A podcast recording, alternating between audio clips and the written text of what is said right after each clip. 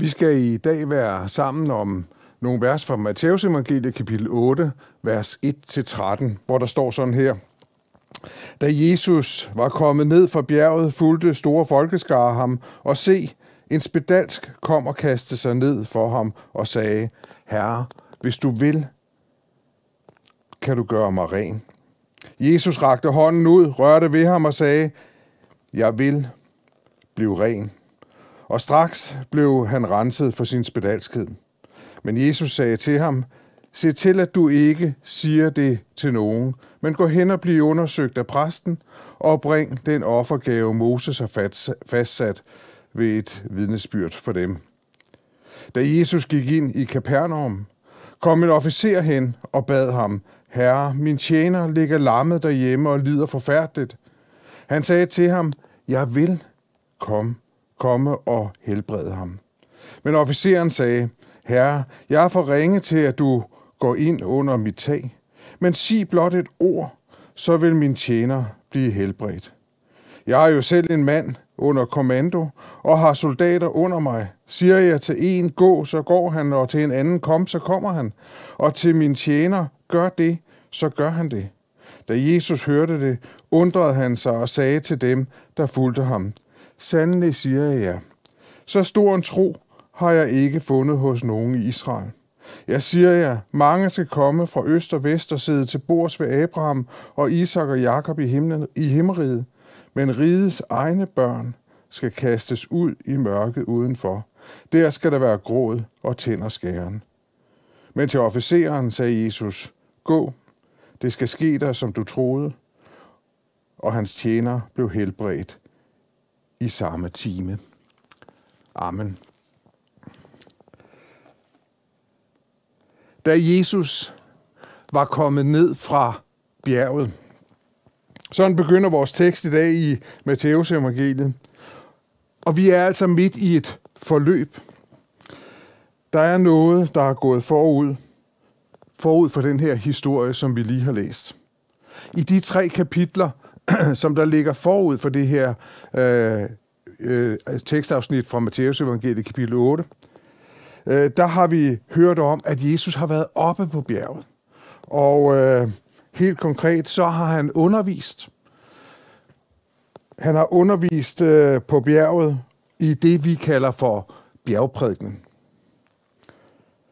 Det har været en meget, meget tætpakket undervisning, hvor de mange tilhører har hørt mange indholdsmættede, øh, øh, hørt meget undervisning om indholdsmættede emner, som for eksempel saligprisningerne.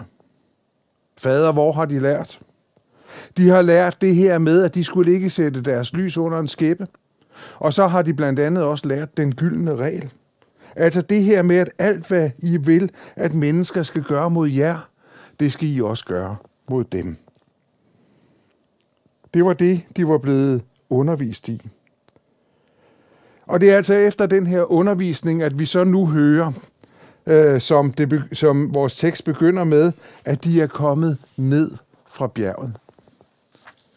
Og så er det, der sker noget uventet. ja, det er ikke bare uventet. Det er faktisk fuldstændig uacceptabelt, det der sker øh, da de kommer ned. En spedalsk mand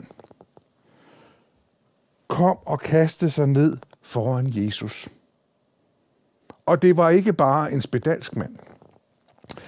Hvis vi læser nogle af, af parallelteksterne øh, i de andre evangelier, så kan vi se, at det er en mand, der er fuld af spedalskhed. Altså, det er en meget syg mand, som, som der kommer her med en meget farlig, smitsom sygdom. En sygdom, som de kendte til i samfundet, og som de havde lavet regler for. Fordi det var, de var så bange for, at den her smitte den skulle sprede sig og ramme dem alle sammen. Og det er jo en situation, som vi alle sammen godt kan sætte os ind i. Fordi vi har faktisk selv igennem de sidste par år været igennem sådan en situation omkring corona, hvor vi har været bange for, at smitten, ja, vi har været bange for at hilse på hinanden, fordi vi var bange for, at smitten skulle sprede sig. Det var også den situation, de levede i her. I 3. Mosebog, kapitel 13, der kan man læse om nogle af de regler, som der er for, øh, den, her, for, for den her sygdom. Og jeg læser bare lige øh, øh, et enkelt sted fra. Den spedalske, der er angrebet, skal bære i turevne klæder, står der. Hans hår skal hænge løst. Han skal tilhylde sit ansigt, og så skal han råbe, uren, uren, hvis han møder nogen. Han skal bo isoleret, opholde sig uden for lejren eller uden for fællesskabet. Det er det, der står i, øh, i 3. Mosebog. Og da Jesus og hans følge nu kommer ned ad bjerget og møder den her mand, der kaster sig ned for Jesus, så er det jo i, i forhold til de regler, som der er i samfundet lige netop på det tidspunkt, fuldstændig uacceptabelt. Brud på smittebekæmpelsesreglerne. Ligger han der. Men der var et menneske, som ville møde Jesus. Han kastede sig ned, og han bønfaldt Jesus, og han sagde, Jesus, hvis du vil, kan du gøre mig ren. Det er jo ikke ualmindeligt, når vi øh, taler om at høre fra politikere og andre, sådan, øh, som stiller sig frem og myndighedspersoner og taler, så kan vi godt sådan sige, at ah, det er lidt, det er lidt uld i mund, det der kommer. Altså det vil sige, der, der kommer en masse øh, ord, men, men det er svært måske faktisk at få mening. Eller de taler lidt udenom, eller sådan noget. Det giver ikke mening for os, det de siger. Og bare med det i baghovedet, så vil jeg sige, med Jesus er det anderledes. Han er lige kommet ned fra bjerget, hvor han har undervist i nogle meget, meget svære emner. Men tilhørende gav udtryk for, at, øh, at Jesus øh, gav udtryk for forundring over Jesus undervisning. Hvis vi læser i kapitlet lige før, det vi har læst i kapitel 7 i Matteus evangeliet, så kan man læse Matteus, man kunne sige, evaluering af Jesus undervisning. Og der siger han, at de var forundret over den myndighed. Og der læser jeg også, at den, den, øh, den tydelighed, som Jesus han havde undervist med. Nu hører vi altså om en sårbar, syg stakkels mand, der ligger der og beder til Jesus. Jesus, hvis du vil, kan du gøre mig ren. Så kan du rense mig. Han kunne ikke bruge øh, et svar, der sådan var lidt uld i mund til noget som helst. Vi skal se på det senere. Eller kom igen en anden dag. Jeg har ikke tid lige nu. Der var måske ikke mulighed for at komme igen en anden dag. Det her var muligheden. Men Jesus lader heller ikke manden i stikken. Med myndighed, fasthed i stemmen, kan man høre med at Jesus sige, jeg vil blive ren. Og Jesus går et skridt videre i tydeligheden. Fordi der står her i vores tekst, at ikke alene Jesus, at han talte til ham, men han, han rørte ved ham. Jesus rørte ved den her øh, meget, meget syge og meget, meget smitsomme mand. Han rørte ved ham. Jesus gør det, som man bare ikke gjorde. Han rørte ved den spedalske mand.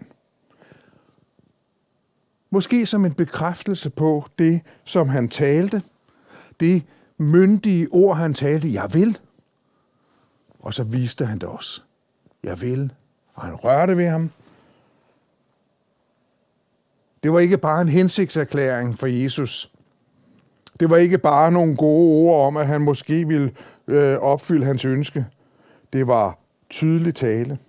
Det var Jesus, der talte med myndighed. Jeg vil blive ren. Og så skete under. Den her spedalske mand blev ren. Blev renset. Halleluja. Pris Herren. et fantastisk under. En fantastisk begivenhed, som, som man tænker, som noget af det første, det burde blæses op på forsiden af alle aviserne. Her er der en mand, der taler med myndighed, som ikke bare kun taler, men også handler med myndighed. Jesus er her. Men Jesus ønsker ikke den opmærksomhed. Og det kan undres, det kan undre os, hvorfor Jesus pålægger den spedalske, den helbredte mand, hvorfor han pålægger ham ikke at sige noget om det her mirakel. og vi kan kun spekulere på baggrunden. Men sandsynligheden for, at Jesus ikke ønskede at blive kendt som mirakelmanden, er der. Jesus var ikke alene kommet for at helbrede de syge. Han havde et større ønske, nemlig at nå mennesker med sin frelse. Den frelse, som Jesus vandt for os på korset, da han døde, og åbnede døren til himlen for enhver, som tror. Det vil Jesus være kendt for. Hos dig, hos mig, hos alle. Men det er en fantastisk historie.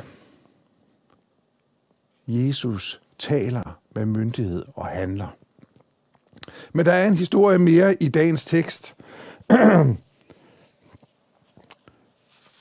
vi, øh, vi hører om en, en soldat, en officer, som møder øh, Jesus i Kapernaum.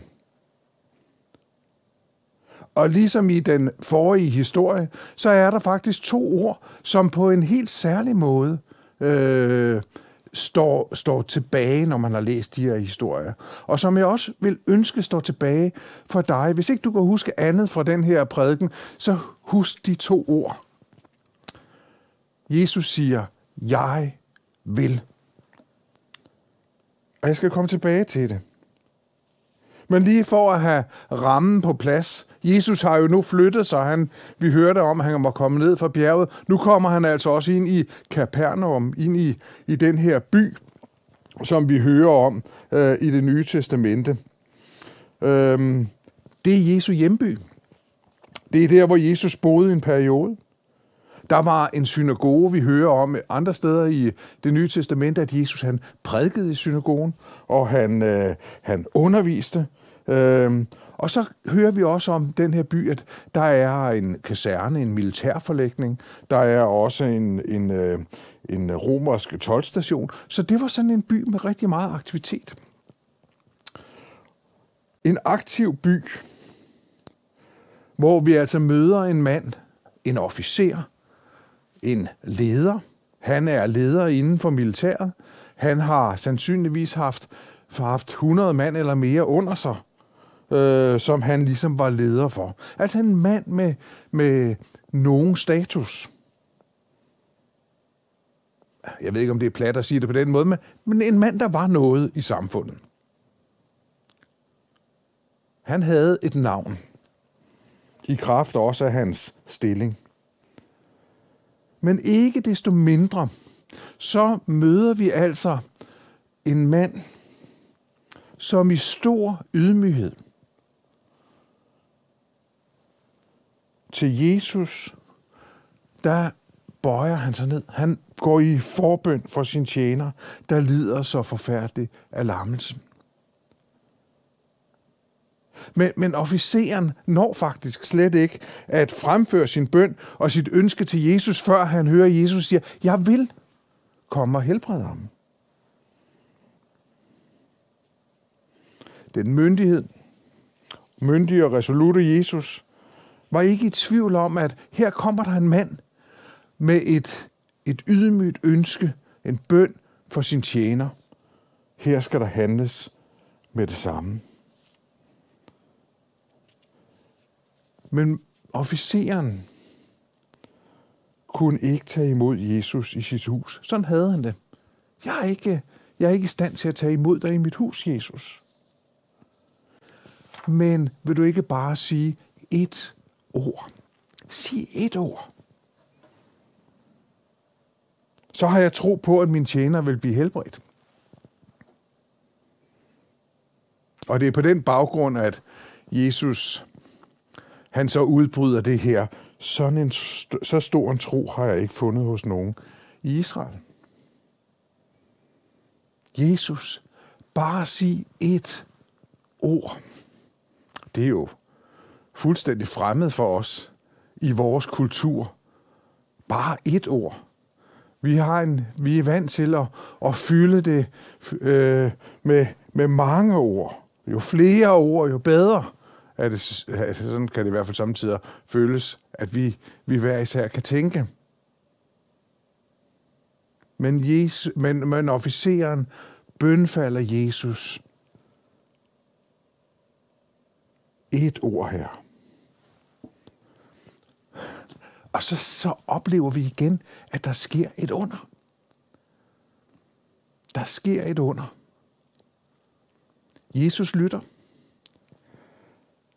Tjeneren bliver helbredt i samme time. Hvad kan vi sige? Halleluja. Tjen, der pris Herren.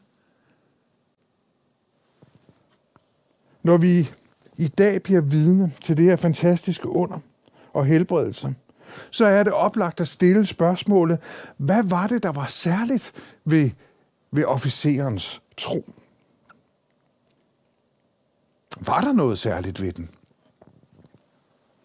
Som udgangspunkt var det jo ikke en speciel form for tro, som officeren repræsenterede her. Men i sådan en tid, som vi lever i netop nu, hvor vi ofte oplever, at troen ikke bliver taget, troen på Jesus bliver ikke sådan taget særligt alvorligt. Der er mange mennesker i Danmark, som som i hvert fald ved med sig selv, at de er ikke muslimer, eller de er ikke buddhister, eller noget andet. Men de er måske nok sådan lidt kristenagtige.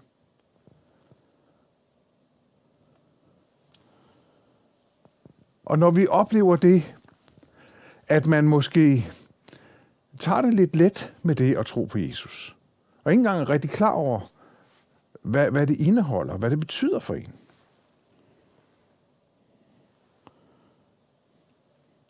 så er det på sin plads at stille spørgsmål også i dag. Hvad vil det sige at tro? Fordi det handler nemlig ikke om at tro på, at Gud findes, og at, at øh, Jesus er Guds søn. Det er der masser af mennesker, der ved og har hørt om. Jakob siger i Jakobs brev, kapitel 2, vers 19, at selv de onde ånder ved det, og de skælver. Det handler ikke om, at tro noget om Jesus. Vide noget om Jesus. Men det handler om at tro på Jesus.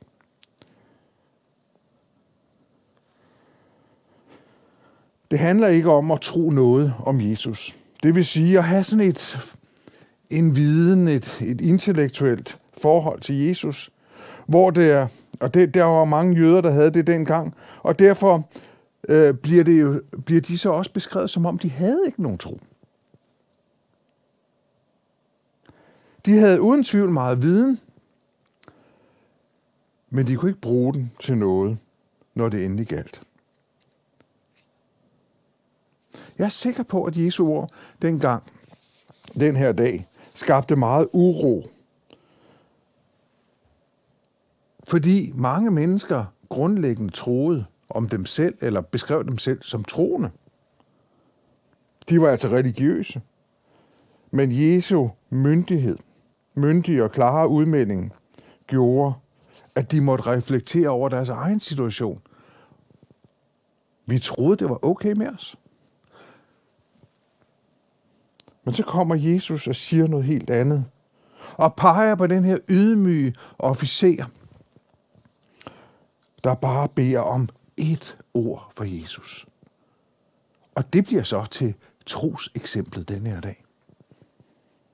Hvad var det her for noget? Og det er godt for os den her dag også at stanse op for det. Hvad er det for noget, Jesus henviser til? Jo, vi skal ikke tro noget om Jesus. Vi skal tro på Jesus. I Romerbrevet kapitel 10, vers 17, der minder Paulus om, at troen kommer altså af det, der høres. Og det, der høres, kommer i kraft af Kristi ord. Troen er ikke en filosofi. Ikke sådan noget, du kan sætte dig ned og, og tænke dig til. Og så skabes troen i dig. Nej, troen kommer ikke af sig selv, eller kommer ikke ved din tankevirksomhed, men troen kommer i kraft af Guds ord, som kommer til os og kommer ind i vores hjerte.